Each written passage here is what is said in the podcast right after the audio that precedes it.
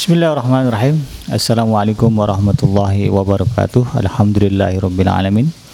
Allahumma salli ala sayyidina Muhammad wa ala ali sayyidina Muhammad amma ba'du. Alhamdulillah kembali berjumpa dengan saya di udara Abi Kenji beserta kru iDream Media untuk uh, bersama-sama kita menghadiri majelis ilmu yang pada kesempatan kali ini kita uh, mengundang narasumber kita yaitu Dr. Agus Setiawan LCMA dan eh, pada kesempatan kali ini eh, kita akan mendengarkan paparan dan ulasan beliau terkait dengan tema menjawab kewajiban kita pada ilmu dan ulama. Untuk itu, eh, bagi Anda sahabat iDream Radio yang nanti eh, ingin bertanya kepada Ustadz terkait dengan tema kita pada hari ini, Anda bisa menyampaikan pertanyaan melalui nomor WhatsApp di 0822 9 triple 8 1044 dan bagi anda yang menyaksikan kita melalui channel YouTube anda bisa langsung uh, menulis pertanyaan di kolom komentar. Untuk kemudian akan saya sampaikan langsung kepada narasumber kita. Namun sekiranya nanti segala bentuk pertanyaan yang masuk ke meja redaksi tidak sempat semuanya saya bacakan atau saya sampaikan kepada guru kita uh, terlebih dahulu saya memohon dibukakan pintu maaf yang sebesar-besarnya dan tidak lupa juga saya ingatkan uh, terima kasih bagi Anda yang sudah menekan tombol like dan juga subscribe. Karena itu merupakan bagian dari dukungan nyata Anda kepada kita demi kemaslahatan dan kemajuan berbagai program dakwah yang ada di iDream Radio dan juga di iDream TV. Dan tidak berlama-lama, Anda akan mendengarkan uh, paparan, ulasan dan kajian dari guru kita Dr. Agus Setiawan LCMA dalam tema menjawab kewajiban kita pada ilmu dan ulama setelah Anda mendengarkan beberapa pesan-pesan berikut ini.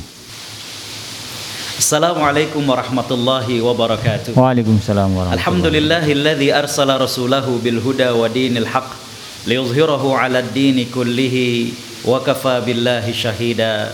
Nashhadu an la ilaha illallah syahadatu haqqin wa sidq syahadatan tunjina min 'adzabillah wa nashhadu anna Muhammadan 'abduhu wa rasuluhu Allahumma salli wa sallim wa barik ala nabiyyina Muhammad wa ala alihi wa sahbihi wa man sara ala nahjihi wastanna bi sunnatihi ila yaumiddin qala Allahu azza wa jalla fi kitabihil karim a'udzu billahi rajim. Min ibadihil ulama sadaqallahul azim. Sahabat iDream yang dimuliakan Allah Subhanahu wa taala bersama rintisan daripada hujan ini merupakan saat-saat yang tepat bagi kita untuk menyejukkan hati kita, mengisi waktu kita menjelang berbuka ibadah saum kita ini yang sudah memasuki hari yang ke-13 dengan ilmu yang akan membimbing kepada kita dalam kehidupan kita baik di dunia maupun di akhirat. Kita berharap dan berdoa mudah-mudahan ilmu yang akan kita dapatkan dijadikan oleh Allah Subhanahu wa taala sebagai ilmu yang bermanfaat serta Allah memberikan istiqomah kepada kita dan kelak Allah mewafatkan kita dalam keadaan husnul khatimah. Amin, ya Amin ya rabbal alamin. alamin. Salawat teriring salam tidak lupa kita lantunkan kepada sosok yang istimewa yang kita belum pernah berjumpa dengan beliau. Kita belum pernah bertatap muka dengan beliau, tapi Allah titipkan rasa cinta di hati kita kerinduan yang begitu mendalam kepada beliau. Kita berharap mudah-mudahan dengan cinta kita kepada beliau dengan semangat kita meneladani beliau bahkan dengan kita membela beliau Allah Subhanahu wa taala berkenan untuk mempertemukan kita serta mengumpulkan kita dengan Nabi sallallahu alaihi wasallam di surganya. Amin ya rabbal alamin hadirin hadirat para perindu surga Allah Subhanahu wa taala sahabat iDream yang dimuliakan Allah Subhanahu wa taala Tema kita pada kesempatan sore hari ini adalah menjawab kewajiban kita terhadap ilmu dan ulama. Ada empat poin yang ingin saya sampaikan. Yang pertama adalah bagaimanakah keutamaan ilmu dalam Islam. Ilmu ini mencarinya adalah ibadah.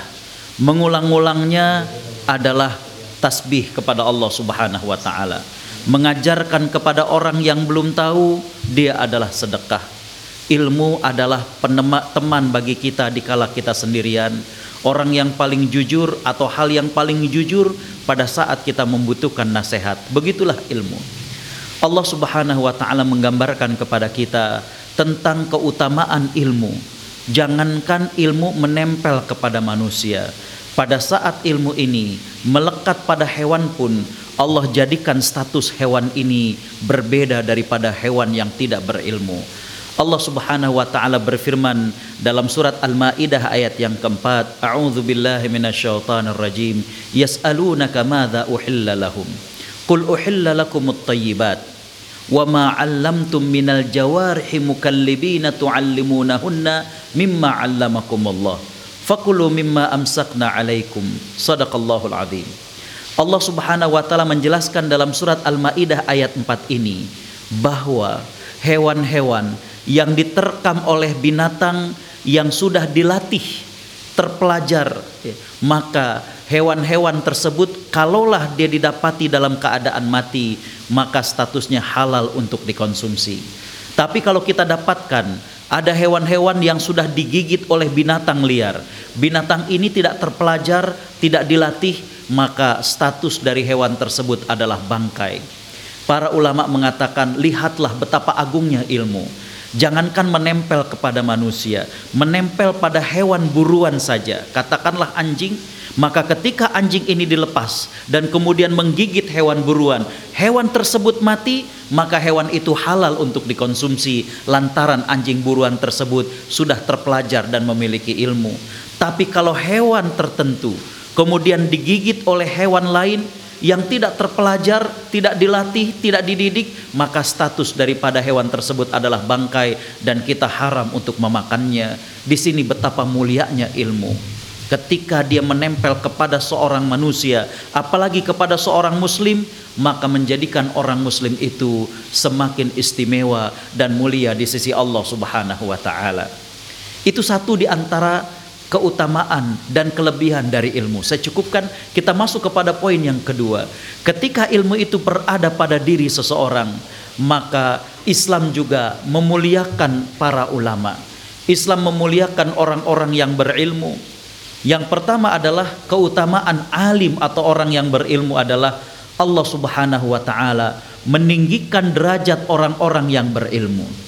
Allah berfirman dalam surat Al-Mujadilah ayat yang ke-11 A'udzu billahi minasyaitonir rajim yarfa'illahu alladhina amanu minkum walladzina utul ilma darajat Allah Subhanahu wa taala meninggikan orang-orang yang beriman di antara kalian dan juga orang-orang yang berilmu beberapa derajat.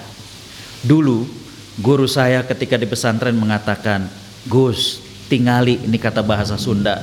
Gus lihat katanya kalau ada delman ya kemudian bawa penumpang yang ngos-ngosan apakah kusirnya atau kudanya saya bilang kudanya ketika penumpang turun yang dapat uang kusirnya apa kudanya? Ya kusirnya. Begitulah ilmu dibanding orang yang tidak berilmu.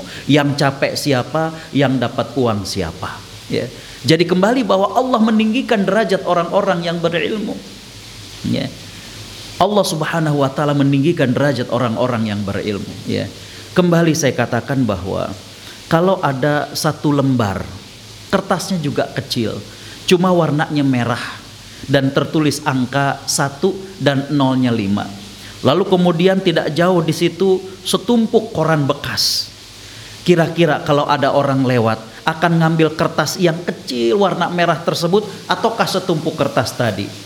tentu akan mengambil kertas yang kecil tadi. Kenapa? Karena nilai yang dikandungnya. Begitu juga ilmu. Ya. Saya pernah bercerita bagaimana sahabat Abdullah bin Mas'ud radhiyallahu an. Beliau kurus, ya. Bahkan ketika beliau menaiki pohon kurma, para sahabat sempat tertawa melihat betapa kurus dan kecil kakinya.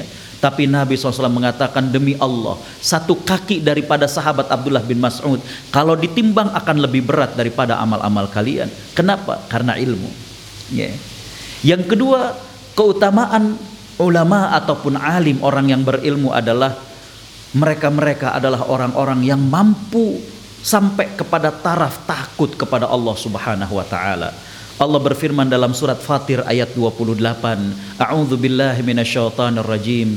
Innama yakhsyallaha min ibadihil ulama. Hanya saja yang takut kepada Allah itu adalah ulama orang-orang yang berilmu ya dengan ilmunya dia mengerti betul ya bahwa Allah Subhanahu wa taala Maha sayang kepada dirinya.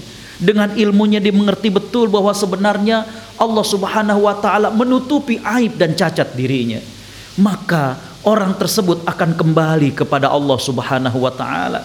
Di saat pandemi Covid-19 seperti ini, para ulama, orang-orang yang berilmu tahu betul bahwa maksud tujuan Allah Subhanahu wa taala menurunkan pandemi seperti ini adalah la'allahum yarji'un. Seperti yang Allah firmankan dalam surat As-Sajdah ayat 21 agar mereka kembali ke jalan yang benar. Di sini orang-orang yang berilmu mereka dengan ilmunya mengetahui akan Allah Subhanahu wa taala. Mereka tahu asma dan sifat Allah Subhanahu wa taala, maka bertambah takutlah mereka, bertambah tunduklah mereka, mengerti betul akan tujuan dan tugas mereka selaku manusia, selaku hamba Allah Subhanahu wa taala.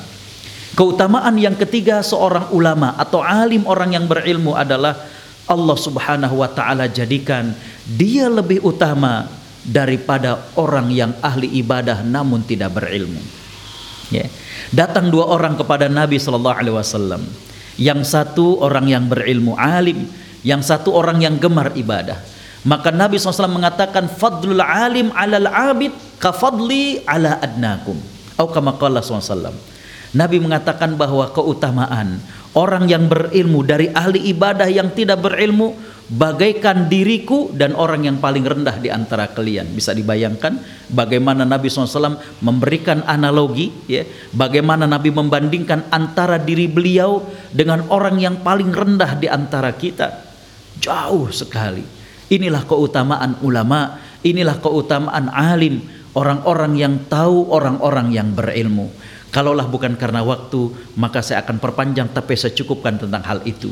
Kita kembali kepada tema utama, bagaimana menjawab kewajiban kita terhadap ilmu. Maka poin yang ketiga adalah apa kewajiban kita terhadap ilmu. Mada wajibuna nahwal ilm. Saya mencatat bahwa ada lima kewajiban kita terhadap ilmu. Yang pertama adalah al-hirsu ala talabih.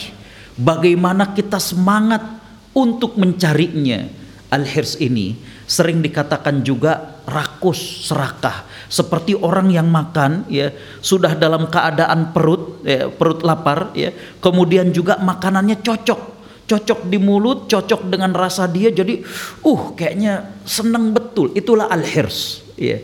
Maka kewajiban kita terhadap ilmu yang pertama adalah bagaimana kita bersemangat Semangatnya itu tadi saya katakan mirip seperti kita sedang lapar sekarang ini dan pada saat berbuka puasa hidangannya itu memang hidangan yang kita sukai. Di mulut juga nyaman dan di perut juga nyaman. Kan ada yang eh, hidangan kita sukai tapi di perut atau di mulut nggak nyaman ya. Ini al hirs ya. Jadi kewajiban kita terhadap ilmu itu adalah bagaimana kita bersemangat maaf tanda petik rakus dengan ilmu ya Umar bin Khattab radhiyallahu an beliau menceritakan bahwa kuntu askunu fi awalil Madinah. Kata Umar bin Khattab, aku tinggal di daerah tinggi dari Madinah. Jadi Yathrib dulu berbukit seperti yang kita lihat sekarang, ya, dan bentuknya dulu oval seperti bulat telur. Ya. Nah, Umar bin Khattab tinggal di daerah tinggi dan Umar bertetangga dengan seorang dari kalangan Ansor. Ya. Diriwayatkan bahwa beliau dari Bani Usama al-Makhzumi. Kemudian Umar bin Khattab mengatakan, kuntu atanawab ma'ahu Aku bergantian dengan tetanggaku dari kalangan Ansor untuk hadir ke majelis Nabi SAW. Sudah barang tentu para sahabat juga harus melakukan ma'isyah, melakukan pekerjaan untuk mencukupi dan menafkahi istri dan anak mereka. Tapi kita lihat bagaimana para sahabat tidak mau kehilangan kesempatan ataupun terlewat kesempatan hadir di majelis Nabi SAW. Maka Umar bin Khattab bergantian dengan tetangganya. Kata Umar bin Khattab, apabila aku yang hadir, maka setelah aku pulang aku sampaikan kepadanya apa yang Nabi jelaskan tadi dalam majelisnya. Begitu juga ketika orang Ansor tersebut yang datang pada saat dia pulang dia akan menyampaikan kepadaku apa yang Nabi SAW ajarkan dalam majelisnya. Hadis riwayat Imam Bukhari dalam Kitabul Ilm. Subhanallah. Ya. Para sahabat nggak mau tertinggal majelis Nabi SAW. Ya nggak mau mereka miss ya, satu pertemuan pun ya.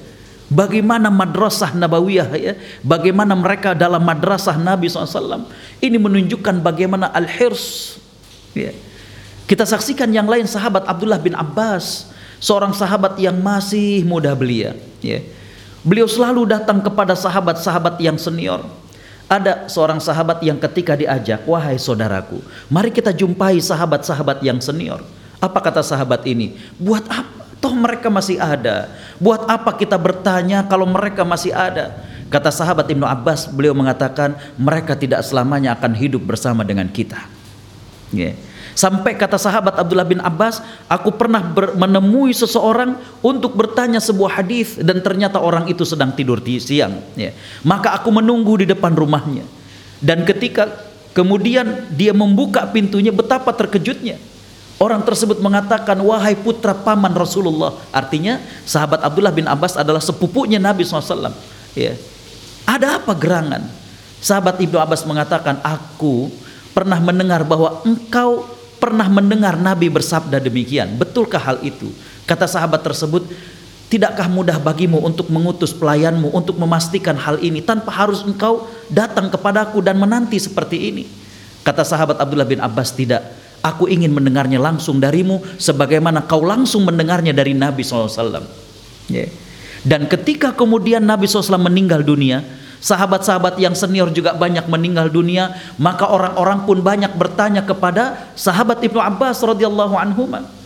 Sahabat yang sempat diajak berkeliling untuk menjumpai sahabat-sahabat senior tadi, yang tadi beliau menjawab, "Buat apa toh mereka masih hidup?"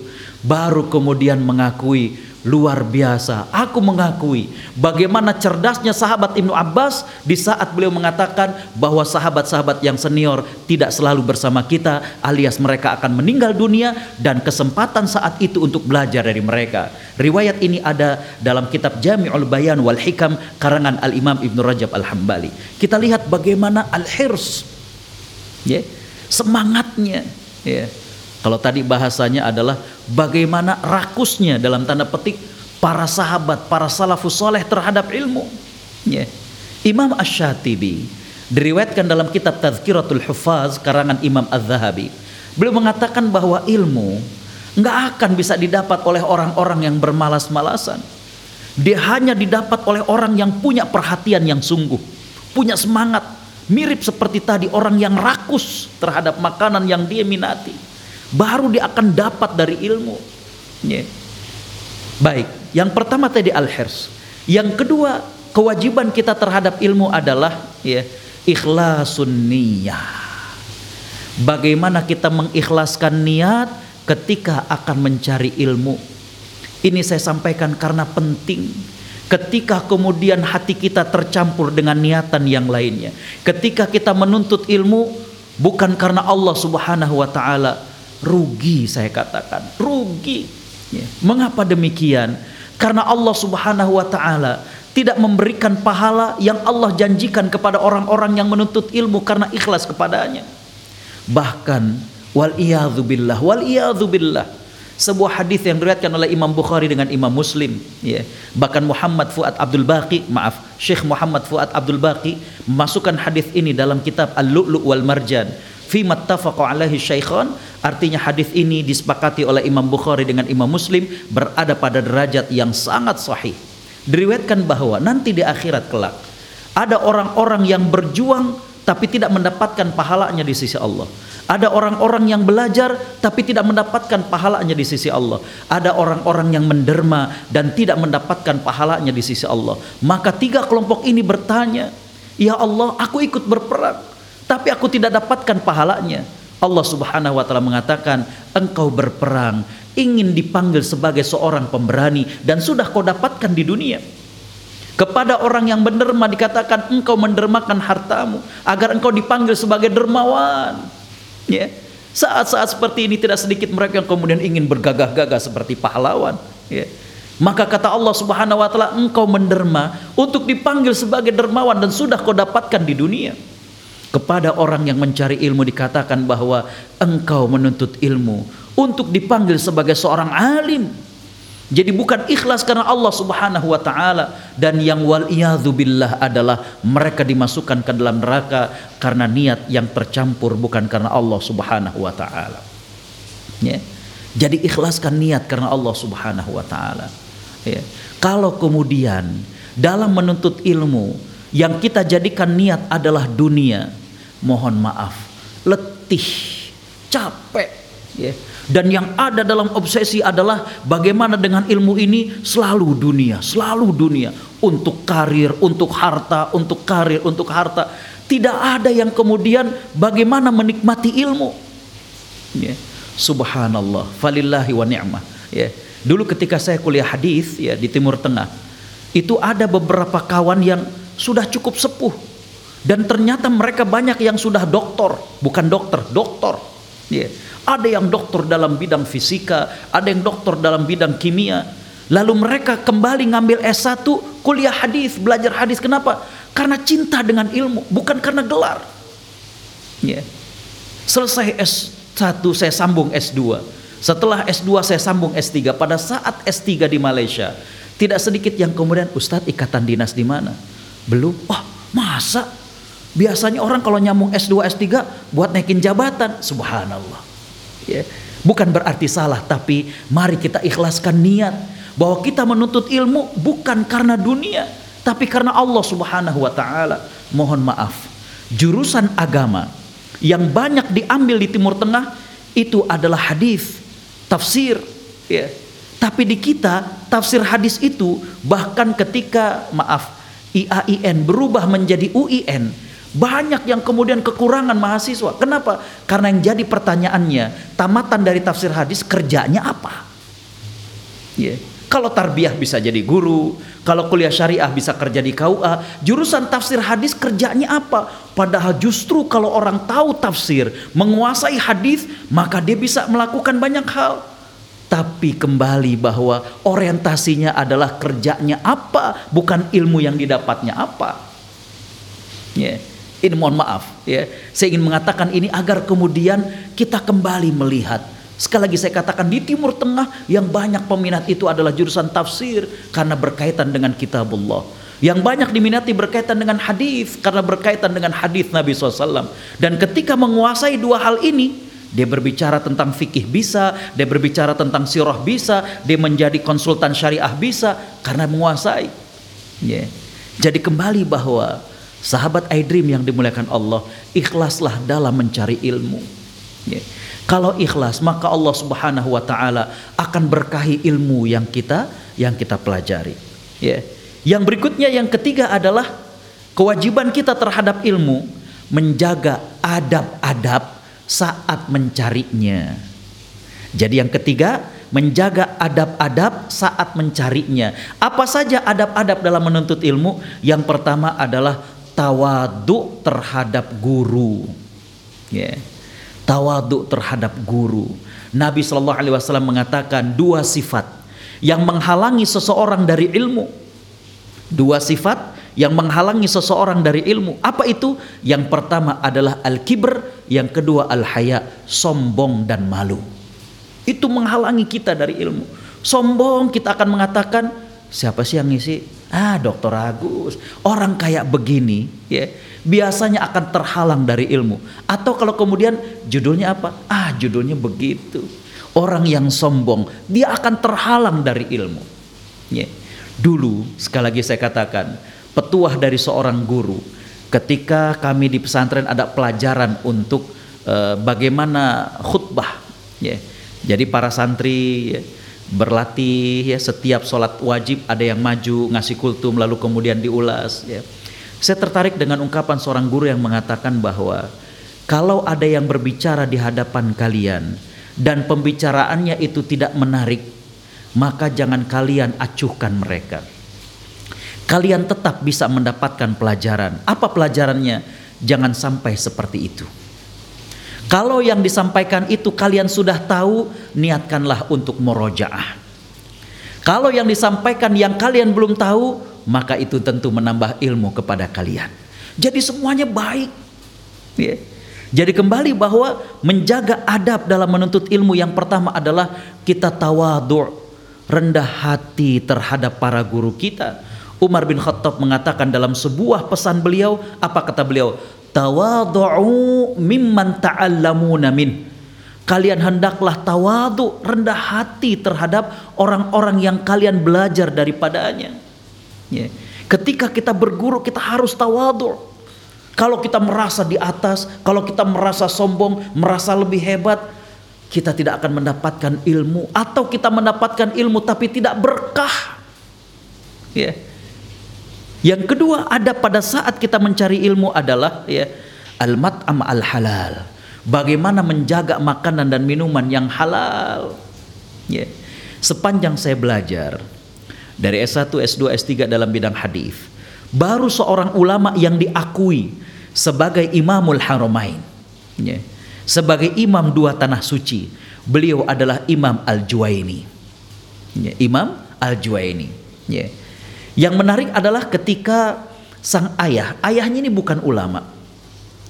Ayahnya ini ditanya, ya, apa rahasianya sehingga beliau bisa memiliki anak yang keulamaannya sampai diakui sebagai imam dua tanah suci. Beliau mengatakan, aku sangat menjaga kehalalan makanan yang aku berikan kepada anakku, bahkan makanan yang akan masuk ke dalam mulut anakku. Beliau cerita begini, maaf.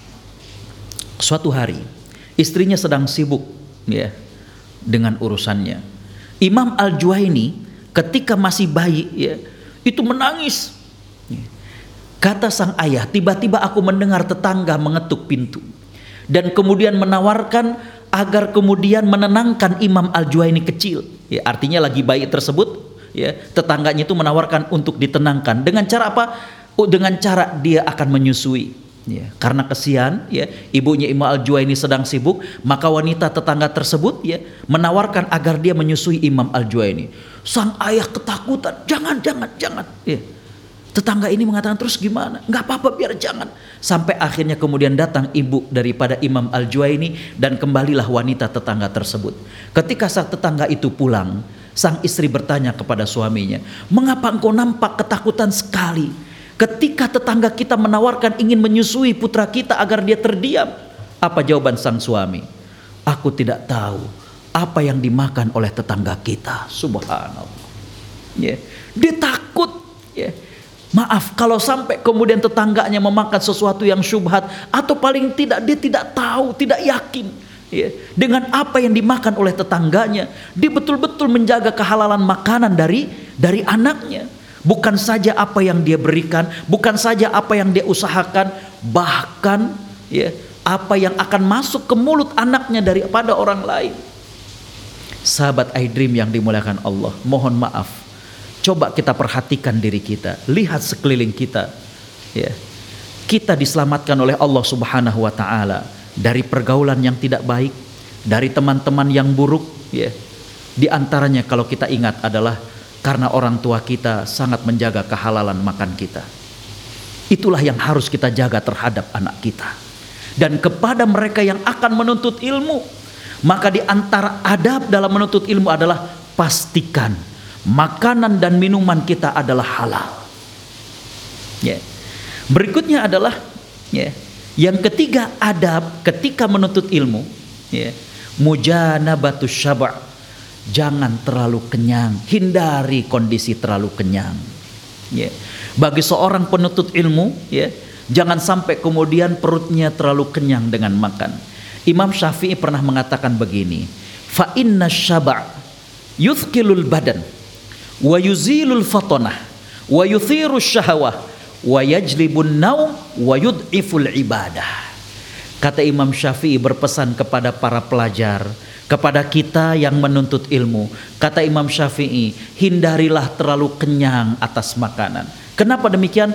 Karena terlalu kenyang itu menimbulkan lima hal. Yang pertama membuat badan ini berat. Aduh, kita tersindir ya.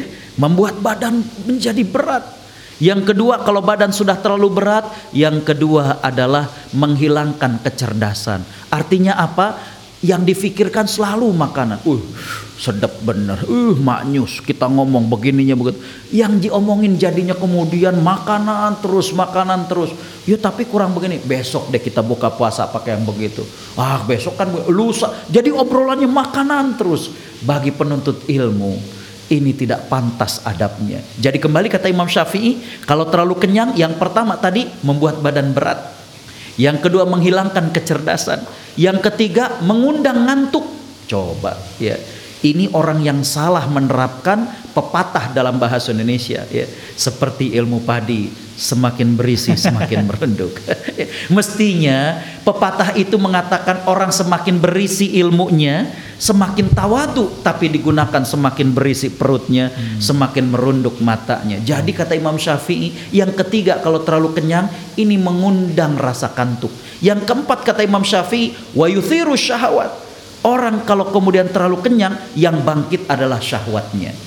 Dan yang kelima, nah ini yang penting bagi kita saat-saat ini, wayud'iful ibadah. Ternyata terlalu kenyang juga memperlemah ibadah kita. Ya, kita buka puasa terlalu kenyang pas terawih, masya Allah berat bener nih mata, subhanallah. Hmm. Ya. Jadi kembali bahwa ya ada pada saat kita menuntut ilmu, yang ketiga adalah bagaimana kita menghindari terlalu kenyang. Ya. Yang keempat, ya, adab kita pada saat menuntut ilmu adalah al-jiddu wal ijtihad. Sungguh-sungguh. Ya. Dalam sebuah perkataan dikatakan bahwa al-ilmu lan yu'tiyaka ba'dahu hatta tu'tiyahu kullaka. Sekali lagi saya katakan al-ilmu lan yu'tiyaka ba'dahu hatta tu'tiyahu kullaka.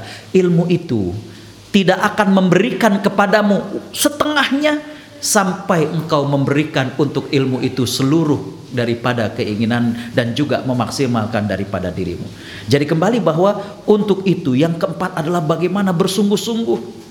Kita lihat Imam uh, Imam Bukhari rahimahullah ya. Bagaimana beliau ya setiap malam bangun pukul satu. Beliau sholat kemudian beliau istikharah lalu kemudian beliau mencatat hadis yang akan beliau masukkan dalam kitab hadis sahih Bukhari subhanallah ya Itulah kesungguhan Imam Bukhari. Ya.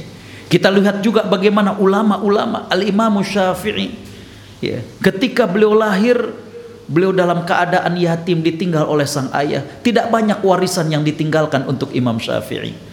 Tapi subhanallah, umur tujuh tahun Imam Syafi'i sudah hafal Al-Quran. Bahkan setelah beliau hafal Al-Quran, beliau kemudian diminta gurunya untuk kemudian menyimak setoran daripada kawan-kawannya. Bahkan suatu saat pernah didapat ya. Imam Syafi'i ketika berada di majlis waktu itu masih kecil beliau dan kemudian saat itu Ramadan didapati Imam Syafi'i minum. Ditanya wah Imam kenapa engkau minum? Ternyata Imam Syafi'i belum akil balik subhanallah. Masih kecil beliau sudah kemudian ada majlis di Masjidil Haram. Hmm. ya. Atau bin Abi Rabah seorang ulama ya di Mekah Beliau kemudian menasehati kepada ibunya agar Imam Syafi'i ini bisa belajar hadis. Ya. Maka kemudian dicarikanlah dan Imam Syafi'i kemudian belajar kitab Al-Muwatta dan hafal kitab Al-Muwatta.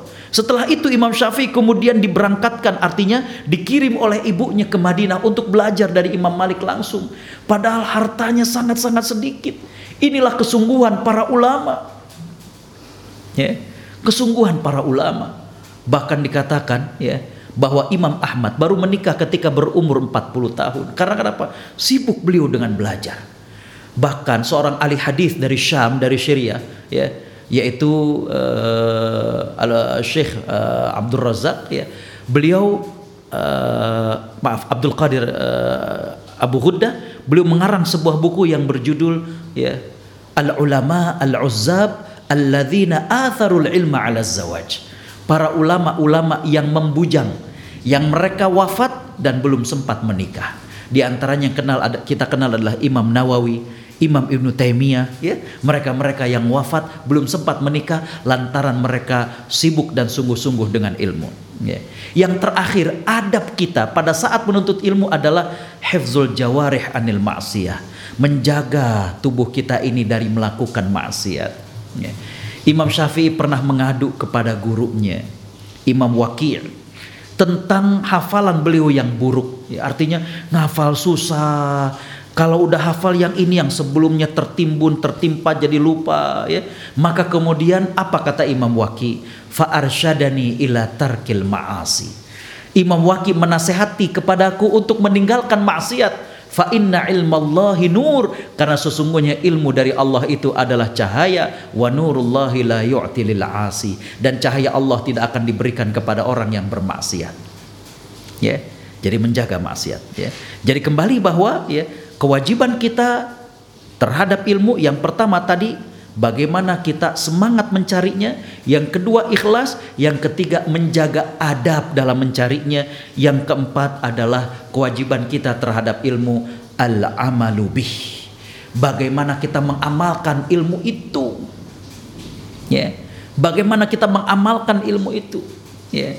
Dikatakan bahwa manizdada ilman walam yazdad hudang lam yazdad minallahi illa bu'dan. Barang siapa yang bertambah ilmunya tapi tidak bertambah petunjuk untuk dirinya. Artinya nggak nambah dia beramal maka tidak bertambah daripadanya melainkan dia semakin jauh dari Allah Subhanahu wa taala.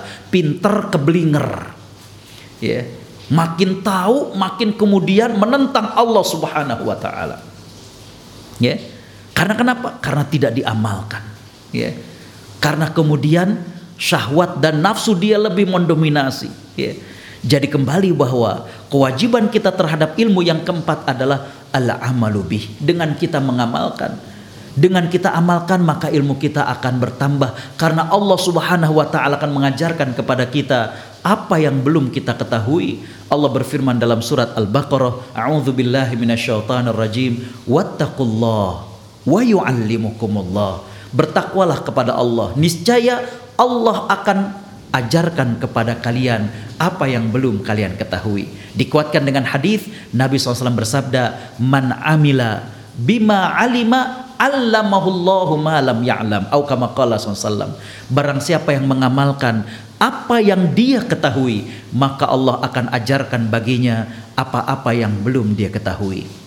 Coba kalau kita lihat para ulama ya subhanallah ya mereka bukan punya satu spesialisasi, tapi mereka begitu dalam dari berbagai bidang spesialisasi. Bukan itu saja, mereka punya karya-karya yang kemudian sampai sekarang menjadi rujukan. Yeah.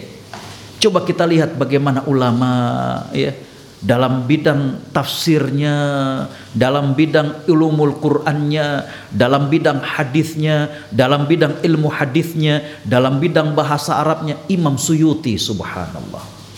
Dalam tafsir beliau punya kitab tafsir. Ya. Dalam bidang ulumul Quran beliau punya kitab yang jadi rujukan. Ya. Al-Itqan fi ulumil Quran. Dalam bidang hadis beliau punya kitab Jam'ul Jawami'.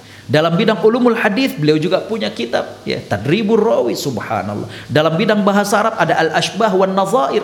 Jadi kembali bahwa para ulama ada keberkahan karena mereka mengamalkan dengan apa yang mereka pelajari. Ya.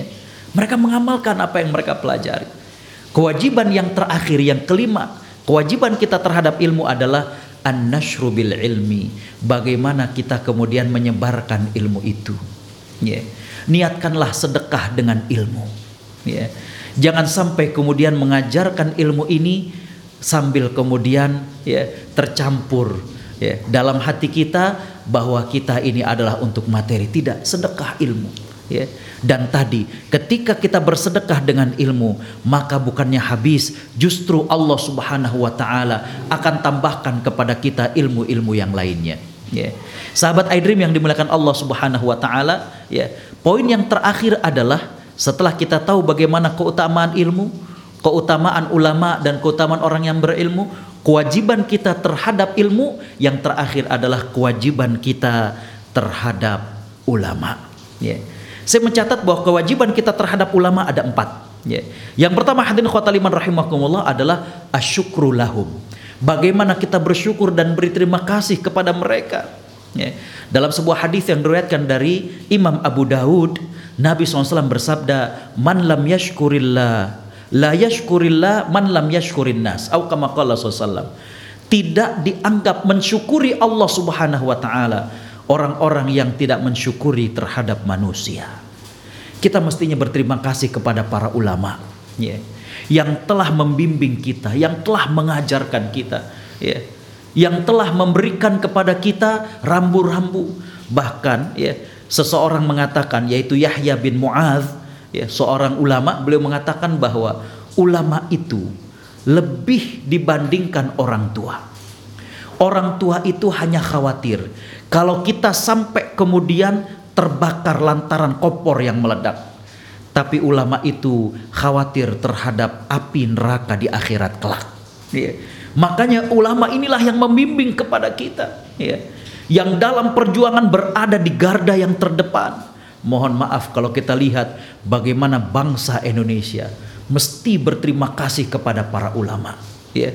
Bagaimana kita lihat ya uh, Imam Bonjol kita lihat bagaimana pangeran di Ponorogo dengan sorban mereka, dengan janggut mereka, mereka adalah alim, mereka adalah ulama. Ya. Dengan ilmu mereka, mereka berusaha menyelamatkan akidah bangsa kita ini dari penjajah-penjajah. Ya.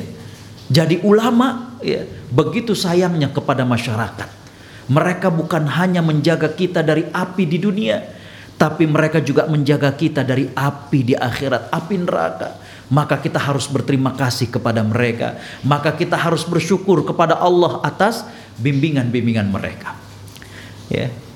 Kewajiban kita yang kedua terhadap ulama adalah taatuhum. Bagaimana kita menaati para ulama ya sepanjang berada dalam garis Allah dan Rasulnya. Allah Subhanahu wa taala berfirman dalam surat An-Nisa ayat 59, A'udzu billahi minasyaitonir rajim. Atiullaha wa atiur rasula wa ulil amri minkum. Taatlah kalian kepada Allah, taatlah kalian kepada Rasulnya dan ulil amri. Para ulama mengatakan ulil amri ya, itu bukan cuma diartikan dengan umaroh atau pemimpin. Ya. Para ulama mengatakan coba lihat para sahabat para sahabat itu dulu ya mereka itu bergabung dalam diri mereka antara keumaroan dengan keulamaan. Abu Bakar As-Siddiq selain sebagai khalifah, beliau juga seorang yang alim. Umar bin Khattab selain beliau sebagai khalifah, beliau juga seorang yang alim. Ya. Jadi maksud dari wa ulul amri minkum di sini adalah bagaimana kita juga taat kepada para ulama. Karena para ulama adalah mereka-mereka yang membimbing kita. Ya.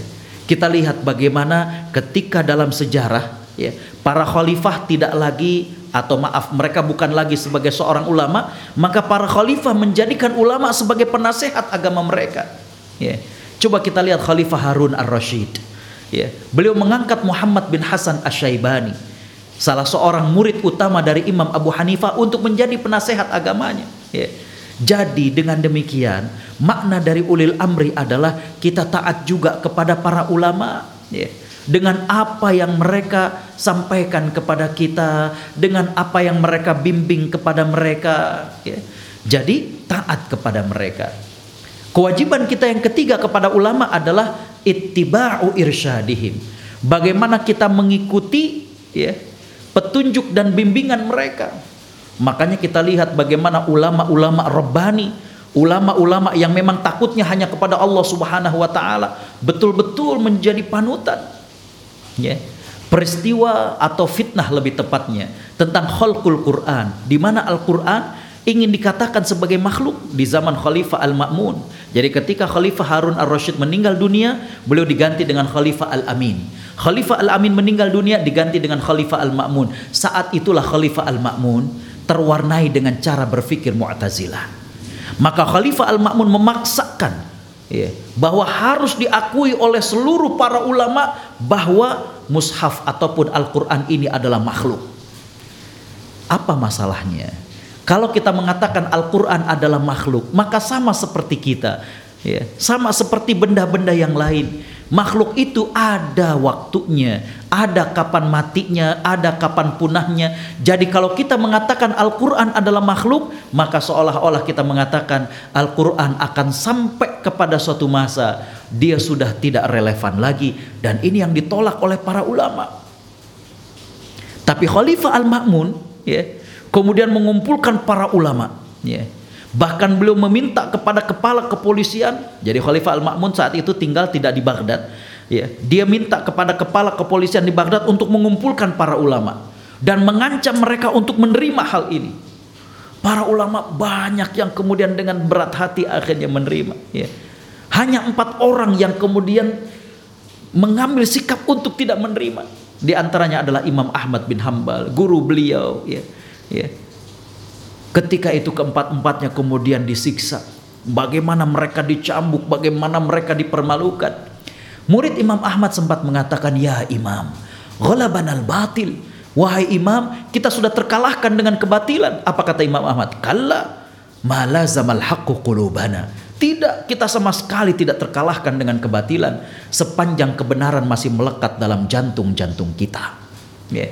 Dan kemudian ketika ditanyakan wahai imam, kenapa engkau tidak mengikuti saja kemauan dari khalifah? Beliau mengatakan, kalau aku juga mengikuti kemauan dari khalifah, artinya mengambil rukhsah karena kan kita dibolehkan kalau memang kita diancam ya maka dibolehkan seperti yang terjadi kepada keluarga Yasir Allah Subhanahu wa taala berfirman wa qalbuhu mutmainnun bil iman ya keluarga Yasir mengaku kekufuran tapi hatinya tetap bertauhid kepada Allah Subhanahu wa taala tapi Imam Ahmad mengatakan kalau aku mengambil keringanan itu di mana aku di mulut saja mengatakan tapi di hati tidak namun kata Imam Ahmad akan tercatat dalam sejarah bahwa terjadi konsensus, terjadi ijma di masa Imam Ahmad bahwa Al-Qur'an pernah diakui sebagai makhluk dan aku tidak mau. Apa yang terjadi? Ya. Imam Ahmad dicambuk, dipermalukan, ya. Sampai akhirnya Khalifah Al-Ma'mun ingin langsung menghukum Imam Ahmad. Ya. Maka Imam Ahmad dari Baghdad kemudian ingin dipindahkan ya ke tempat Khalifah Al-Ma'mun. Sepanjang perjalanan kata Imam Ahmad ini yang kemudian membuat aku semakin istiqomah karena kenapa? Masyarakat berdiri di sepanjang jalan dan mereka mengatakan wahai imam sekiranya engkau meninggal engkau meninggal dalam keadaan syahid. Seandainya engkau hidup maka engkau hidup mulia karena mempertahankan keyakinan di hadapan Allah Subhanahu wa taala. Imam Ahmad berdoa Beliau minta kepada Allah Subhanahu wa taala agar jangan pernah bertatap muka langsung dengan Khalifah Al-Ma'mun. Allah mengabulkan doa Imam Ahmad. Sebelum sampai di tempat Khalifah Al-Ma'mun, Khalifah Al-Ma'mun meninggal dunia tanpa diketahui apa sebabnya dan Imam Ahmad kemudian dikembalikan ke Baghdad. Kembali bahwa yang ketiga ittiba irsyadihim. Bagaimana kita mengikuti bimbingan mereka. Yeah. Karena mereka adalah orang-orang yang belajar, mereka yang beribadah sehingga kemudian apa yang mereka sampaikan kepada kita, bimbingan yang mereka sampaikan kepada kita, ini adalah hal yang kita butuhkan. Yang keempat, kewajiban kita kepada para ulama adalah bagaimana kita merujuk masalah-masalah kita dengan apa yang mereka sampaikan kepada kita. Allah berfirman dalam surat An-Nahl ayat 43 A'udzu billahi minasyaitonir rajim fasalu ahla dzikri in kuntum la ta'lamun. Tanyalah orang-orang yang berilmu seandainya kalian tidak mengetahui. Jadi Allah meminta kepada kita untuk merujuk kepada para ulama. Ya. Jangan kita mengikuti nafsu kita. Ya. Contoh misalkan tentang waris. Ya. Banyak saya dapati. Ya. Nanya ke ustadz ini nanya ke ustadz itu nanya ke ustadz ini. Tentu akan sama yang namanya hukum waris demikian. Yang menjadikan kita tidak menerima ustadz ini ustadz itu ustadz ini adalah karena nafsu kita karena syahwat kita. Ya. Mestinya kita merujuk kepada mereka. Apa yang mereka sampaikan kepada kita maka kita terima. Ya. Di sini saya mencatat bahwa ada tiga hal yang akan terjadi kalau kita atau umat tidak merujuk kepada para ulama atau kalau kita membantah apa yang disampaikan oleh para ulama. Yang pertama adalah ya akan tertimpa kehinaan bagi umat dan kaum muslimin. Ya. Dalam hadis yang diriwayatkan oleh Imam Abu Daud nomor 3003 Nabi SAW menjelaskan bahwa hendaklah kalian ya jual beli dengan jujur. Jangan sampai jual beli kalian terjadi gharar penipuan dan tidaklah kalian ya melakukan hal itu melainkan kalian akan ditimpakan dengan kehinaan kecuali kalian merujuk kepada agama kalian. Di sini menunjukkan bahwa kalau kita tidak kembali kepada ulama yang terjadi adalah kehinaan, umat kemudian terhina. Yang kedua adalah menyelisihi perintah Allah dan Rasulnya, umat jadi tercerai berai. Dan yang ketiga adalah kita menjadi orang yang mengikuti hawa nafsu kita. Sahabat iDream yang dimuliakan Allah Subhanahu wa taala, itulah sekilas tentang kewajiban kita terhadap ilmu dan ulama. Demikian yang bisa saya sampaikan. Kurang lebihnya mohon maaf. Jazakumullah ahsanal jaza. Wassalamualaikum warahmatullahi wabarakatuh. Waalaikumsalam warahmatullahi wabarakatuh. Jazakallah Ustaz atas segala uraian dan juga ulasan uh, terkait dengan tema kita pada hari ini yaitu menjawab kewajiban kita pada ilmu dan juga ulama. Eh, dan sudah dijelaskan begitu runut ya oleh Ustadz mudah-mudahan ini bisa kita pahami dan bisa kita amalkan di dalam kehidupan kita sehari-hari karena memang mengamalkan ilmu juga merupakan kewajiban kita ya seperti yang dijelaskan oleh Ustaz tadi. Baik Ustaz, kita habiskan uh, sampai jam 17.15 waktu Indonesia bagian Barat untuk uh, menjawab uh, berbagai pertanyaan yang sudah sampai ke meja redaksi. Mudah-mudahan uh, semua pertanyaan ini bisa terjawab. Kalaupun tidak, mudah-mudahan jawaban dari Ustaz bisa mengcover semua pertanyaan-pertanyaan dari sahabat Edream Radio dan juga sahabat Edream TV. Dan saya ulangi bagi Anda yang ingin bertanya, uh, Anda bisa mengajukan pertanyaan melalui nomor WhatsApp di 0822 9 triple 1044 atau langsung uh, menulisnya di uh, kolom komentar ya di channel YouTube Anda. Uh, kalau yang memang tidak ingin disebut namanya nggak apa-apa sebut. Tolong jangan sebut nama saya atau tulis saja hamba Allah. Insya Allah nanti kita akan sampaikan seperti yang anda harapkan. Karena memang uh, mungkin kita perlu juga menjaga privasi atau juga dampak uh, dan sebagainya. Dan bagi anda yang mungkin sudah uh, menyampaikan pertanyaan satu kalau masih ada juga pertanyaan berikutnya silakan tidak apa-apa.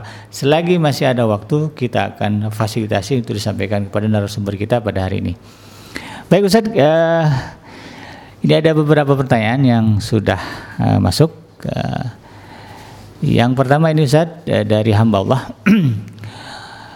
uh, Assalamualaikum Ustaz, bagaimana menyikapi adanya nama-nama atau gelar-gelar yang diberikan oleh masyarakat kepada uh, ulama ya? Sebagai contoh adanya nama-nama Ustadz Sunnah. Nah belakang ini istilah-istilah ini uh, uh, sering dengar begitu. Nah apakah ada perbedaan dari ustadz-ustadz ini dengan yang lainnya begitu? Uh, dan uh, apakah layak Ustaz kita memberikan uh, gelar-gelar tertentu kepada uh, para ulama ini? Silakan Ustaz. Bismillahirrahmanirrahim. Alhamdulillah salatu wassalamu ala Rasulillah wa. Uh, sahabat iDream yang dimuliakan Allah, pertanyaannya bagus sekali ya tentang bagaimanakah uh, sikap ataupun pandangan uh, terhadap sebagian masyarakat yang memberikan gelar kepada yeah. ustadz-ustadz dengan ustadz sunnah ya dan lain sebagainya atau kajian sunnah yeah. dan lain iya. sebagainya. Salafi. Di sini sahabat iDream yang dimuliakan Allah Subhanahu wa taala ketika mendengar kalimat sunnah maka yang terbayang uh, oleh kita dalam benak kita adalah kebalikannya itu adalah bid'ah. Ya. Hmm. Ya dan ini yang kemudian menjadi dikotomi hmm. ya. di mana ketika disampaikan bahwa ini ustadz sunnah ini kajian sunnah maka dengan demikian akan tertempel bahwa oh kalau yang selain daripada ini berarti bukan ustadz sunnah Masya ya. Allah. Ya. ataupun kajian yang selain ini bukan kajian sunnah nah ini yang kemudian harus difahami uh, bahwa ini bisa memecah belah di kalangan hmm. masyarakat ya. saya ingin mengatakan bahwa uh, dua tahun yang lalu saya pernah hadir dalam uh, rapat pleno one team eh, MUI. Jadi hmm. Dewan Pertimbangan Majelis Ulama Indonesia. Jadi yeah. ada pimpinan, ada Dewan uh, Pertimbangan. Ini berisi dari perwakilan ulama-ulama uh, yang mewakili dari berbagai macam ormas. Ya. Di situ yang kita bahas adalah kita membuat Court of Conduct, ya.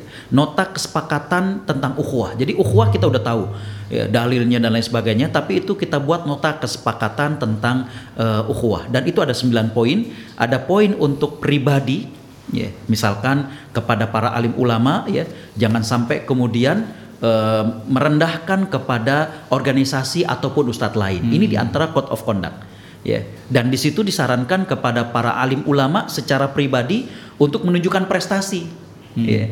Jadi justru yang dikedepankan itu adalah bagaimana para ulama ini menjadi solutif, ya, menjadi kontributif kepada masyarakat dan bukan menjadi uh, pemecah ataupun troublemaker. Jadi itu. Nah kemudian juga kepada uh, organisasi uh, apa masyarakat ormas di sini masing-masing uh, untuk kemudian uh, menunjukkan khidmahnya kepada masyarakat dan bukan kemudian merendahkan satu dengan yang lain. Jadi ada sembilan itu cukup bagus ya uh, di akhir uh, dua tahun yang lalu uh, di akhir tahun dua tahun yang lalu. Cuma sayangnya saya kira sosialisasi masih agak kurang. Hmm. Kalau itu kemudian difahami, kemudian dijalankan oleh masing-masing ulama, jadi kepada masyarakat agar jangan sampai kemudian uh, melebelkan hal itu terhadap ulamanya juga terhadap ustadznya juga jangan kemudian berdiam diri hmm. ya mestinya juga bilang wah jangan gitu dong jangan panggil Anies sebagai ya mestinya begitu ya Betul. jadi ini uh, harus kedua belah pihak masyarakatnya juga harus memahami bahwa ini bisa memecah belah ustadznya juga kalau memang beliau adalah seorang alim maka beliau tidak akan mau untuk uh, dikatakan Iya. ataupun dilabelkan demikian dan ini membuat perpecahan. Jadi uh, demikian saya kira uh, sikap secara uh, keseluruhan kolektif untuk menyikapi tentang sebutan uh, ustadz sunnah ataupun ulama sunnah. Wallahu alam. Baik. Jadi memang tidak layak juga lah ya kita memberikan le- gelar-gelar seperti itu karena pada pada dasarnya itu akan membuat eh, masyarakat jadi bingung juga begitu. Baik Ustaz, terima kasih mudah-mudahan bisa memuaskan pertanyaan dari hamba Allah ini eh, dan semoga bisa difahami ya. Baik Ustaz, kita lanjutkan ke pertanyaan berikutnya. Ini dari Ha- Abi Hamzah di Madiun. Ada dua pertanyaan Ustaz. Assalamualaikum warahmatullahi wabarakatuh. Bagaimana pandangan Ustadz terkait adanya statement seorang dai yang menyatakan bahwa gelar alim itu harus diiklankan atau diinfokan kepada khalayak? Itu pertanyaan pertama. Ustadz. Gelar alumni, Gelar eh, alim. alim. Hmm, Jadi kalau dia merasa alim harus diiklankan atau diumumkan begitu. Yang kedua, eh, mencari ilmu saat ini perlu biaya tinggi, dibatasi dengan yang formal dan sebagainya, sehingga bisa menghambat seseorang untuk mendapatkan ilmu. Apa kira-kira solusinya dalam masalah ini? Nah, ini pengalaman biasa. Silakan. Bismillahirrahmanirrahim. Alhamdulillah salatu wassalamu ala Rasulillah wa. Eh, Bagus-bagus sekali pertanyaan dari Madiun ini ya. Yang pertama adalah tentang eh, gelar alim itu harus dimunculkan ya. Eh, wallahu alam, tapi eh, jujur saya selalu bilang kepada eh, keluarga, kepada anak bahwa hal besar dan hal penting yang saya dapatkan ketika belajar di Timur Tengah itu adalah bukan hanya ilmunya Eh, tapi bagaimana penghayatan ilmu di kalangan para ulama. Ya. Dan subhanallah, kalau kita melihat adab-adab mereka, bagaimana tawaduknya antar mereka, ya. Bagaimana mereka saling mencium tangan satu dengan yang lainnya. Iya. Ya. Jadi kembali bahwa justru saya khawatir kalau kemudian kita yang memunculkan oh saya al-alim dan lain sebagainya, maka ini akan bertentangan dengan bagaimana keikhlasan diri kita. Ya. Jadi ya, seperti gelar kiai, gelar ulama atau alim itu adalah gelar yang tidak dituntut atau dicari atau diminta, tapi dia diberikan oleh masyarakat. Ya. Jadi kita belajar ilmu, kita mengajarkan kepada masyarakat, kita mengabdi kepada masyarakat dengan sendiri masyarakat yang akan memanggil kepada kita dengan alim atau memanggil kita dengan ulama dan bukan diri kita, ya. Bukan kemudian kita yang memunculkan diri kita. Jangan, jangan. Ya, ini bertentangan dengan prinsip dan adab tadi bagaimana kita harus tawadu. Yang berikutnya yang kedua tentang mencari ilmu itu berbiaya tinggi. ya. Ini eh, mencari ilmu memang agak berbeda dengan eh, sekolah ya. Iya. Sekolah itu salah satu cara menuntut ilmu. Tapi kalau menuntut ilmu sendiri eh, kadang ada yang formal dan ada yang tidak formal. Iya. ya. Jadi dengan demikian saya ingin mengatakan bahwa ada beberapa faktor ya. Yang pertama saya katakan adalah ya eh, banyak hal yang bisa kita lakukan untuk menuntut ilmu dengan cara yang lebih murah. Ya, banyak wakaf-wakaf buku secara eh, PDF dan lain sebagainya. Eh. Ya, dan itu bisa untuk kita kita dapatkan ilmu. Kalau dikatakan Ustadz internetnya gimana? Ini masih lebih murah ketimbang misalkan kita beli kitab-kitabnya. ya.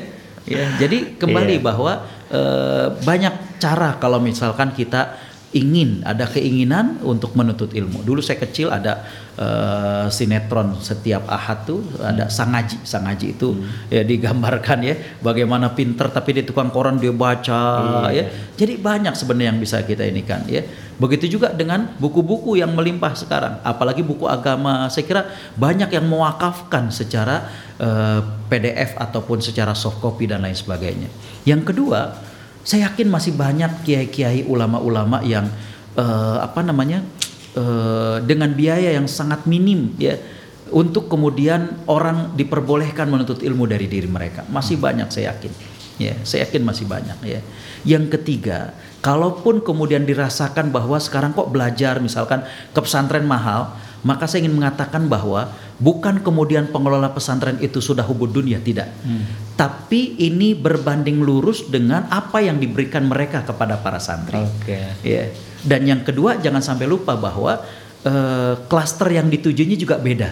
ya kita misalkan yang berkemampuan terbatas ya uh, mungkin kita akan mencari yang ekonomis yeah. tapi mungkin mereka ada yang di kelas menengah oh justru nyari yang begitu hmm. ya karena ketika datang ke pesantren dilihat kok toiletnya begini, yeah. kamarnya begini. Jadi mereka menyesuaikan dengan segmennya. Yeah. Ya. Jadi jangan sampai kita berburuk sangka bahwa wah pengelola pesantren udah pada hubud dunia. Tidak. Tapi mereka memang menentukan segmennya. Yeah, yeah. Ibaratnya restoran ya kalau yang kita uh, biasa di warteg ya silakan. Tapi nah. kalau untuk yang di restoran mungkin akan diinikan. Jadi saya kembalikan bahwa tiga hal itu ya. Yang pertama adalah jangan pernah mengenal kata putus asa untuk menuntut ilmu. Banyak hal yang bisa kita uh, apa namanya uh, lakukan yeah. ya uh, di Kuwait mereka tuh ada gerakan wakaf kitab yeah. ya saya kemarin pulang dari Kuwait itu subhanallah dikirimi buku hampir uh, berapa ya kontainer itu ya dan itu semuanya wakaf dari orang-orang uh, dermawan di sana ya. jadi di kita pun saya kira masih banyak ya. Yang kedua saya katakan tadi masih banyak sekolah pesantren kiai yang uh, dengan biaya yang minim dan membolehkan para santri untuk belajar kepada diri mereka dengan biaya yang minim. Yang ketiga, kalaupun kita dapatkan tempat pendidikan dengan biaya yang tinggi, jangan kita cepat berburuk sangka dengan mengatakan mereka hubud dunia, tapi tadi saya katakan karena mereka ingin memberikan yang terbaik sesuai dengan apa yang e, dibayar oleh santri ataupun murid tersebut. Dan yang kedua adalah mereka berdakwah ataupun mereka membuka sekolah untuk segmen yang memang memiliki kemampuan di atas kita. Wallahu a'lam. Iya. Jadi bedakan antara menuntut ilmu dengan sekolah.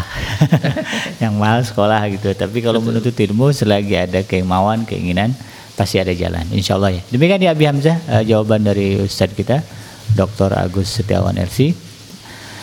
Uh, eh, baik Ustadz kita lanjutkan ke pertanyaan berikutnya. Ini dari uh, Bapak Yadi atau Ahi Yadi di Lampung Ustaz. Assalamualaikum Ustaz. Ada dua pertanyaan. Yang pertama mohon penjelasan tentang batas menghormati atau memuliakan ulama agar tidak kemudian uh, cenderung berlebihan. Yang kedua adalah adakah batasan ilmu atau kriteria ilmu yang bisa kita cari? Ini dikaitkan dengan kita harus rakus ya dalam tanda kutip ya terhadap ilmu apa semuanya gitu di dipelajari atau spesialisasi misalnya silakan Bismillahirrahmanirrahim. Alhamdulillah salatu wassalamu ala rasulillah wa e, menarik sekali pertanyaannya dari Lampung ya iya. tentang yeah. batasan e, menghormati ulama. Ya di sini saya ingin mengatakan adalah bahwa menghormati ulama berbeda dengan mengkultuskan ulama. Hmm. ya di mana menghormati yang pertama dari hati kita bagaimana kita khusyuk khidmat di hadapan mereka. Ya Bagaimana uh, dijelaskan dalam beberapa kitab, kita tidak berani untuk kemudian uh, apa namanya berkata keras ataupun mendebat kusir di depan murid-murid yang lainnya. Ini di antara bentuk kita menghormati. Hmm. Ya. Tapi bukan berarti kita mengkultuskan. Ya. Di mana kita tetap bisa memberikan masukan kepada mereka ya hmm. dengan cara sambil berdua, dengan cara kemudian kita belikan kitab dan lain sebagainya. Jadi e, batasannya adalah jangan sampai kemudian ya kita mengkultuskan. Mengkultuskan itu apa kriterianya? Para ulama e, mengatakan bahwa ukurlah manusia dengan kebenaran dan bukan mengukur kebenaran dengan manusia. Ya, itu yang harus dikasih headline ya hmm. bahwa ukurlah manusia dengan kebenaran. Jadi ulama ini sesuai nggak? Oh, kok kayaknya nggak sesuai. Yeah. Jangan mengukur kebenaran karena seseorang. Hmm. Ya, itu yang keliru. Ya. Jadi dengan demikian maka saya katakan bahwa batasannya di situ. Ya. Orang mengkultuskan atau tidak ketika yang disampaikan atau yang dilakukan oleh ulama tersebut ya bertentangan dengan apa yang Allah dan Rasulnya ajarkan, maka kita harus kemudian melakukan tindakan selaku muslim. Menasehati secara berduaan menyampaikan kepada mereka ya Eh, tidak mempermalukan ya. Eh, itu bentuk kita menghormati. Jangan kemudian right or wrong dia salah atau benar bukan itu namanya mengkultuskan hmm. ya jadi dengan demikian batasannya itu adalah mereka berada hmm. pada kebenaran ataukah tidak sepanjang berada dalam kebenaran kita menghormatinya kita ini kan dan lain sebagainya kalaupun mereka melakukan sesuatu yang tidak tepat maka tetap tadi saya katakan kita menjaga daripada kehormatan mereka. Kemudian batasan ilmu, mm -hmm. ya Di sini menarik yang pertama tentunya ilmu ada ilmu yang eh, apa ya kurang manfaatnya, Oke. ya, kurang manfaatnya. Nah di sini perlu kemudian kita lakukan prioritas. Yang kedua juga ukur dengan bagaimana keterbatasan kita. Kita memiliki keterbatasan waktu, Oke. kita memiliki keterbatasan eh, fisik, ya. Iya. Karena itu kita perlu membuat skala prioritas. Para ulama mengatakan kalau melihat prioritasnya, maka ilmu yang pertama kali menempati posisi sangat penting adalah ilmu tentang apa yang Allah wajibkan kepada kita. Oke. Contohnya adalah ilmu tentang sholat. Hmm. Jangan kita berbicara tentang bagaimana sunnah bid'ah tahu-tahu sholat kagak bisa. nah ini nggak nggak ngerti prioritas. Iya, iya, iya, iya. Ya, ya. Atau eh, jadi kembali bahwa tentang hal yang fardu ain tadi, bagaimana saum yang wajib, bagaimana zakat. Kita berbicara udah pemikiran, epistemologi, logi, oh bahasa-bahasa yang eh, ternyata zakat nggak ngerti. Iya. Ya. Yang kedua selain yang wajib itu berkaitan dengan Al-Quran. Paling nggak baca saja. Ya. Kita berbicara mau bagaimana mengkritisi pandangan Imam Ibn Hajar, baca Quran nggak benar. Ya. Nggak sedikit di kalangan mereka-mereka yang pada eh, dalam sempat kesempatan yang lain saya mengatakan yang disebut dengan kegenitan intelektual mereka yang genit intelektualnya ya tidak memiliki piramida dalam berpikir atau belajar itu berusaha bagaimana mengkritik Imam Ibnu Hajar. Baca Qurannya belum fasih. Hafalan Qurannya nggak banyak. Lo kok mau mengkritik Imam Ibnu Hajar? Jadi perlu juga ada prioritas ya sesuaikan dengan bagaimana keterbatasan waktu kita keterbatasan fisik kita. Cuma yang paling mendesak adalah tadi berkaitan dengan apa yang Allah wajibkan kepada Oke. kita. Wallahu a'lam. Siap. ya jadi ingat ada teman fase ngomongin bid'ah dan sebagainya begitu baca Quran belepotan. jadi ini salah ya. Baik Ustadz kita lanjutkan ke pertanyaan berikutnya. Eh, Ustadz mohon penjelasan terkait dengan eh, kata torikot dalam Quran kenapa di- sering dikaitkan dengan sufisme. Ini dari akun atas nama Ibu Ratna Kartika di Jerman. Bismillahirrahmanirrahim. Alhamdulillah salatu wassalamu ala Rasulillah. Eh, menarik sekali pertanyaannya ya tentang kata torikot dalam Al-Qur'an sering dikaitkan dengan sufisme ya. Kalau kita melihat ya dalam teks-teks Al-Qur'an memang kata jalan ini ada tiga Allah Subhanahu wa taala sebutkan. Ada torik, ada sabil atau subul dan ada sirot ya ada sirat dan tiga-tiganya ini ada perbedaan ya ada seorang ulama yang bernama Al Imam Ibnul Arabi. Beliau ada buku kecil tapi buku ini sangat bagus sekali ya. Eh, untuk para pelajar para ustadz juga saya sarankan. Judulnya Al Furuq Al Lughawiyah Al Furuq Al Lughawiyah artinya perbedaan-perbedaan maksud dalam kata yang ada dalam Al Quran karena begini beliau mengatakan bahwa tidak mungkin ada persamaan kata dalam Al Quran karena kalau persamaan berartinya mengulang dan mengulang itu sia-sia dan sia-sia tidak mungkin dilakukan oleh Allah Subhanahu wa taala. Sehingga dengan demikian ya daya tekan, makna yang diinginkan, konteks dari dari setiap kata itu berbeda. Sirot berbeda, sabil berbeda, torik berbeda. Baik, kita kembali tentang masalah torik dalam Al-Qur'an ya. Tadi disebutkan kok sering mirip dengan berkaitan dengan sofistik Iya. ya. Eh, sahabat iDream yang dimuliakan Allah Subhanahu wa taala. Sebenarnya esensi dari sufi itu kan tazkiyatun nafs. Hmm. Bagaimana mensucikan jiwa. Dan itu tidak keliru. Ya. Yang keliru adalah ketika mereka ingin mensucikan jiwa tapi kemudian membuat cara-cara dan praktek-praktek kreasi mereka. Oke. Itu kelirunya. Ya. Ibaratnya, mohon maaf, kita udah ada jalan yang ini jalannya itu resmi ya untuk ini saya sedang siaran di Depok, Ya. nanti saya akan pulang ke Jakarta. Jalan yang resmi, jalan tol dan lain sebagainya. Ini mau coba shortcut ya, nyari jalan eh, singkat, jalan pintas, tapi kemudian malah tersesat.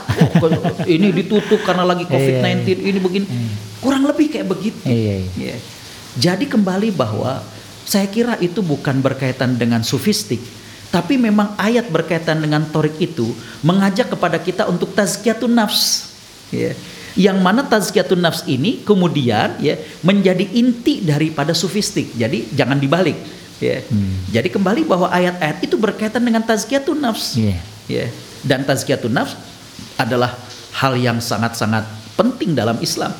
Ya, jadi kembali bahwa eh, yang keliru adalah bahwa mereka mencoba berkreasi dengan amal-amal ataupun ibadah-ibadah yang oleh Nabi SAW tidak dicontohkan dan tidak dilakukan, namun mereka melakukan itu dengan alasan ingin mensucikan jiwa.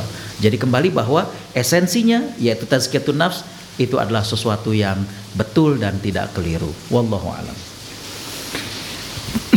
Baik, terima kasih Ustaz. Mudah-mudahan bisa memuaskan uh, pertanyaan dari aku atas nama Ibu Retna Kartika. Uh, kita lanjut Ustaz ke pertanyaan berikutnya. Ini dari hamba Allah menyambung dari biaya tinggi menuntut ilmu tadi Ustaz. Jadi yang jadi masalah adalah memang uh, menuntut ilmu itu biaya tinggi dan kita bisa belajar dengan yang informal. Tapi sekarang ketika ingin berdakwah dengan ilmu yang informal tersebut ada semacam hembusan dari dari masyarakat bahwa jangan mengambil ilmu itu dari yang tidak jelas karena sadarnya nggak jelas itu bukan dari pesantren dan sebagainya. Nah, eh, kira-kira bagaimana menjembatani hal tersebut, Ustaz? Bismillahirrahmanirrahim. Alhamdulillah salatu wassalamu ala Rasulillah wa Uh, yang mungkin perlu didudukkan di sini dari pertanyaan tersebut adalah ah. ya uh, bu kalimat jangan mengambil ilmu dari orang yang nggak jelas, jelas ya. ya. Di sini yang saya maksud adalah bahwa ya yang dimaksud oleh masyarakat nggak jelas itu adalah nggak jelas sumbernya, hmm. nggak hmm. jelas belajarnya. Hmm. Tapi kalau misalkan seseorang ya dia belajar kepada katakanlah ulama, yeah. dia menghatamkan hafalan Quran, dia kemudian hafal hadis-hadis dalam Sahih Bukhari, Sahih Muslim, walaupun tidak ada gelar-gelar akademik hmm. seperti misalnya tamatan perguruan tinggi negeri ataupun yeah. yang lainnya, dia tetap akan menjadi rujukan. Hmm. Yeah. Coba kita lihat uh, para ulama-ulama, para kiai-kiai kita, rata-rata gelarnya ya kiai, ya. Tapi kedalaman ilmunya kita akui, ya. Jadi yang dimaksud dengan kalimat yang jelas itu adalah jelas ilmunya, ya. Dan Jujur saya katakan bahwa saya dari S1 sampai S3 tidak merasakan bahwa belajar itu atau sekolah itu mahal, tidak. Ya. Di Timur Tengah sekali lagi masih banyak para alim ulama ya yang dengan ikhlas kalau orang mau belajar silakan. Ya. Jadi kembali bahwa di sini kalau kemudian belajar dalam tanda petik dengan biaya yang tidak mahal kalau memang dia menguasai, maka saya akan uh, saya katakan bahwa masyarakat juga akan merujuk kepada mereka. Hmm. Dan kebalikannya, sekolah yang mahal-mahal, ya, tapi kalau kemudian dia tidak mendapatkan ilmu yang banyak, atau kemudian dia tidak memiliki ilmu sebagaimana yang diharapkan, ya juga tidak akan menjadi rujukan. Iya. Ya. Ada sebuah pepatah dikatakan qalilul bid'ah la yuhsinuhu husnud diayah. Barang dagangan yang sedikit nggak bisa diperbaiki dengan propaganda yang mentereng. Orang iklannya, wah, tapi barang dagangannya, bu ada ini, wah maaf, yeah. lagi nggak ada. Ini, nah, ya. Jadi kalau tamatan mana misalnya, ya. Tapi kalau kemudian ilmunya, ah, ya. Jadi kembali bahwa uh, saya kira jangan berkecil hati, kalaulah kemudian belajar dari ulama atau bahkan dari sekolah yang tadi tidak berbiaya mahal, hmm. maka Eh, kuasai ilmu yeah. ya ikhlaskan niat insya Allah yeah. ya uh, kita ataupun anda ataupun putra putri kita tetap akan menjadi pribadi yang bermanfaat dan akan menjadi rujukan dari umat. Wallahu Siap. Paling tidak nanti kalau sudah paseh dengan ilmu akan ada gelar UST. Baik Ustaz sebetulnya masih banyak pertanyaan di uh, yang sampai ke meja redaksi tapi sekarang waktu sudah menunjukkan pukul 17 lewat 16 jadi kita tidak bisa melanjutkan. Dan ada banyak salam yang disampaikan untuk Ustaz kita ini. Ada oh. dari uh, akun atas nama Dadang Iskandar. Masya Allah. Katanya beliau terakhir Anda mendengarkan ngaji bersama beliau di Garut di uh, Istiqomah. Masya Allah, Masya Allah. uh, mudah-mudahan uh, sehat semuanya. Katanya. Baik, uh, terima kasih Ustaz atas segala uraian, ulasan dan uh, ilmu yang sudah antum sampaikan kepada kami. Mudah-mudahan Allah memanjangkan usia antum memudahkan urusan antum dan memudahkan rezeki ya kepada antum uh, dalam kehidupan uh, selama menjadi guru bagi kami Ustaz. Baik, uh, kita sudah berada di ujung acara namun jangan lewatkan berbagai program lain yang ada di iDream Radio dan juga di iDream TV. Untuk itu saya Kenji beserta dengan kru yang bertugas memohon dibukakan pintu maaf yang sebesar-besarnya. Dan terima kasih atas tombol like dan juga subscribe yang sudah diberikan. Mudah-mudahan ini menjadi amal soleh bagi Anda semuanya. Dan saya tutup dengan membaca alham uh, baca hamdalah alamin dan doa penutup majelis. Subhanaka Allahumma rabbana wa bihamdika asyhadu an la ilaha illa anta astaghfiruka wa atubu ilaik. Billahi taufiq wal hidayah. Wassalamualaikum warahmatullahi wabarakatuh.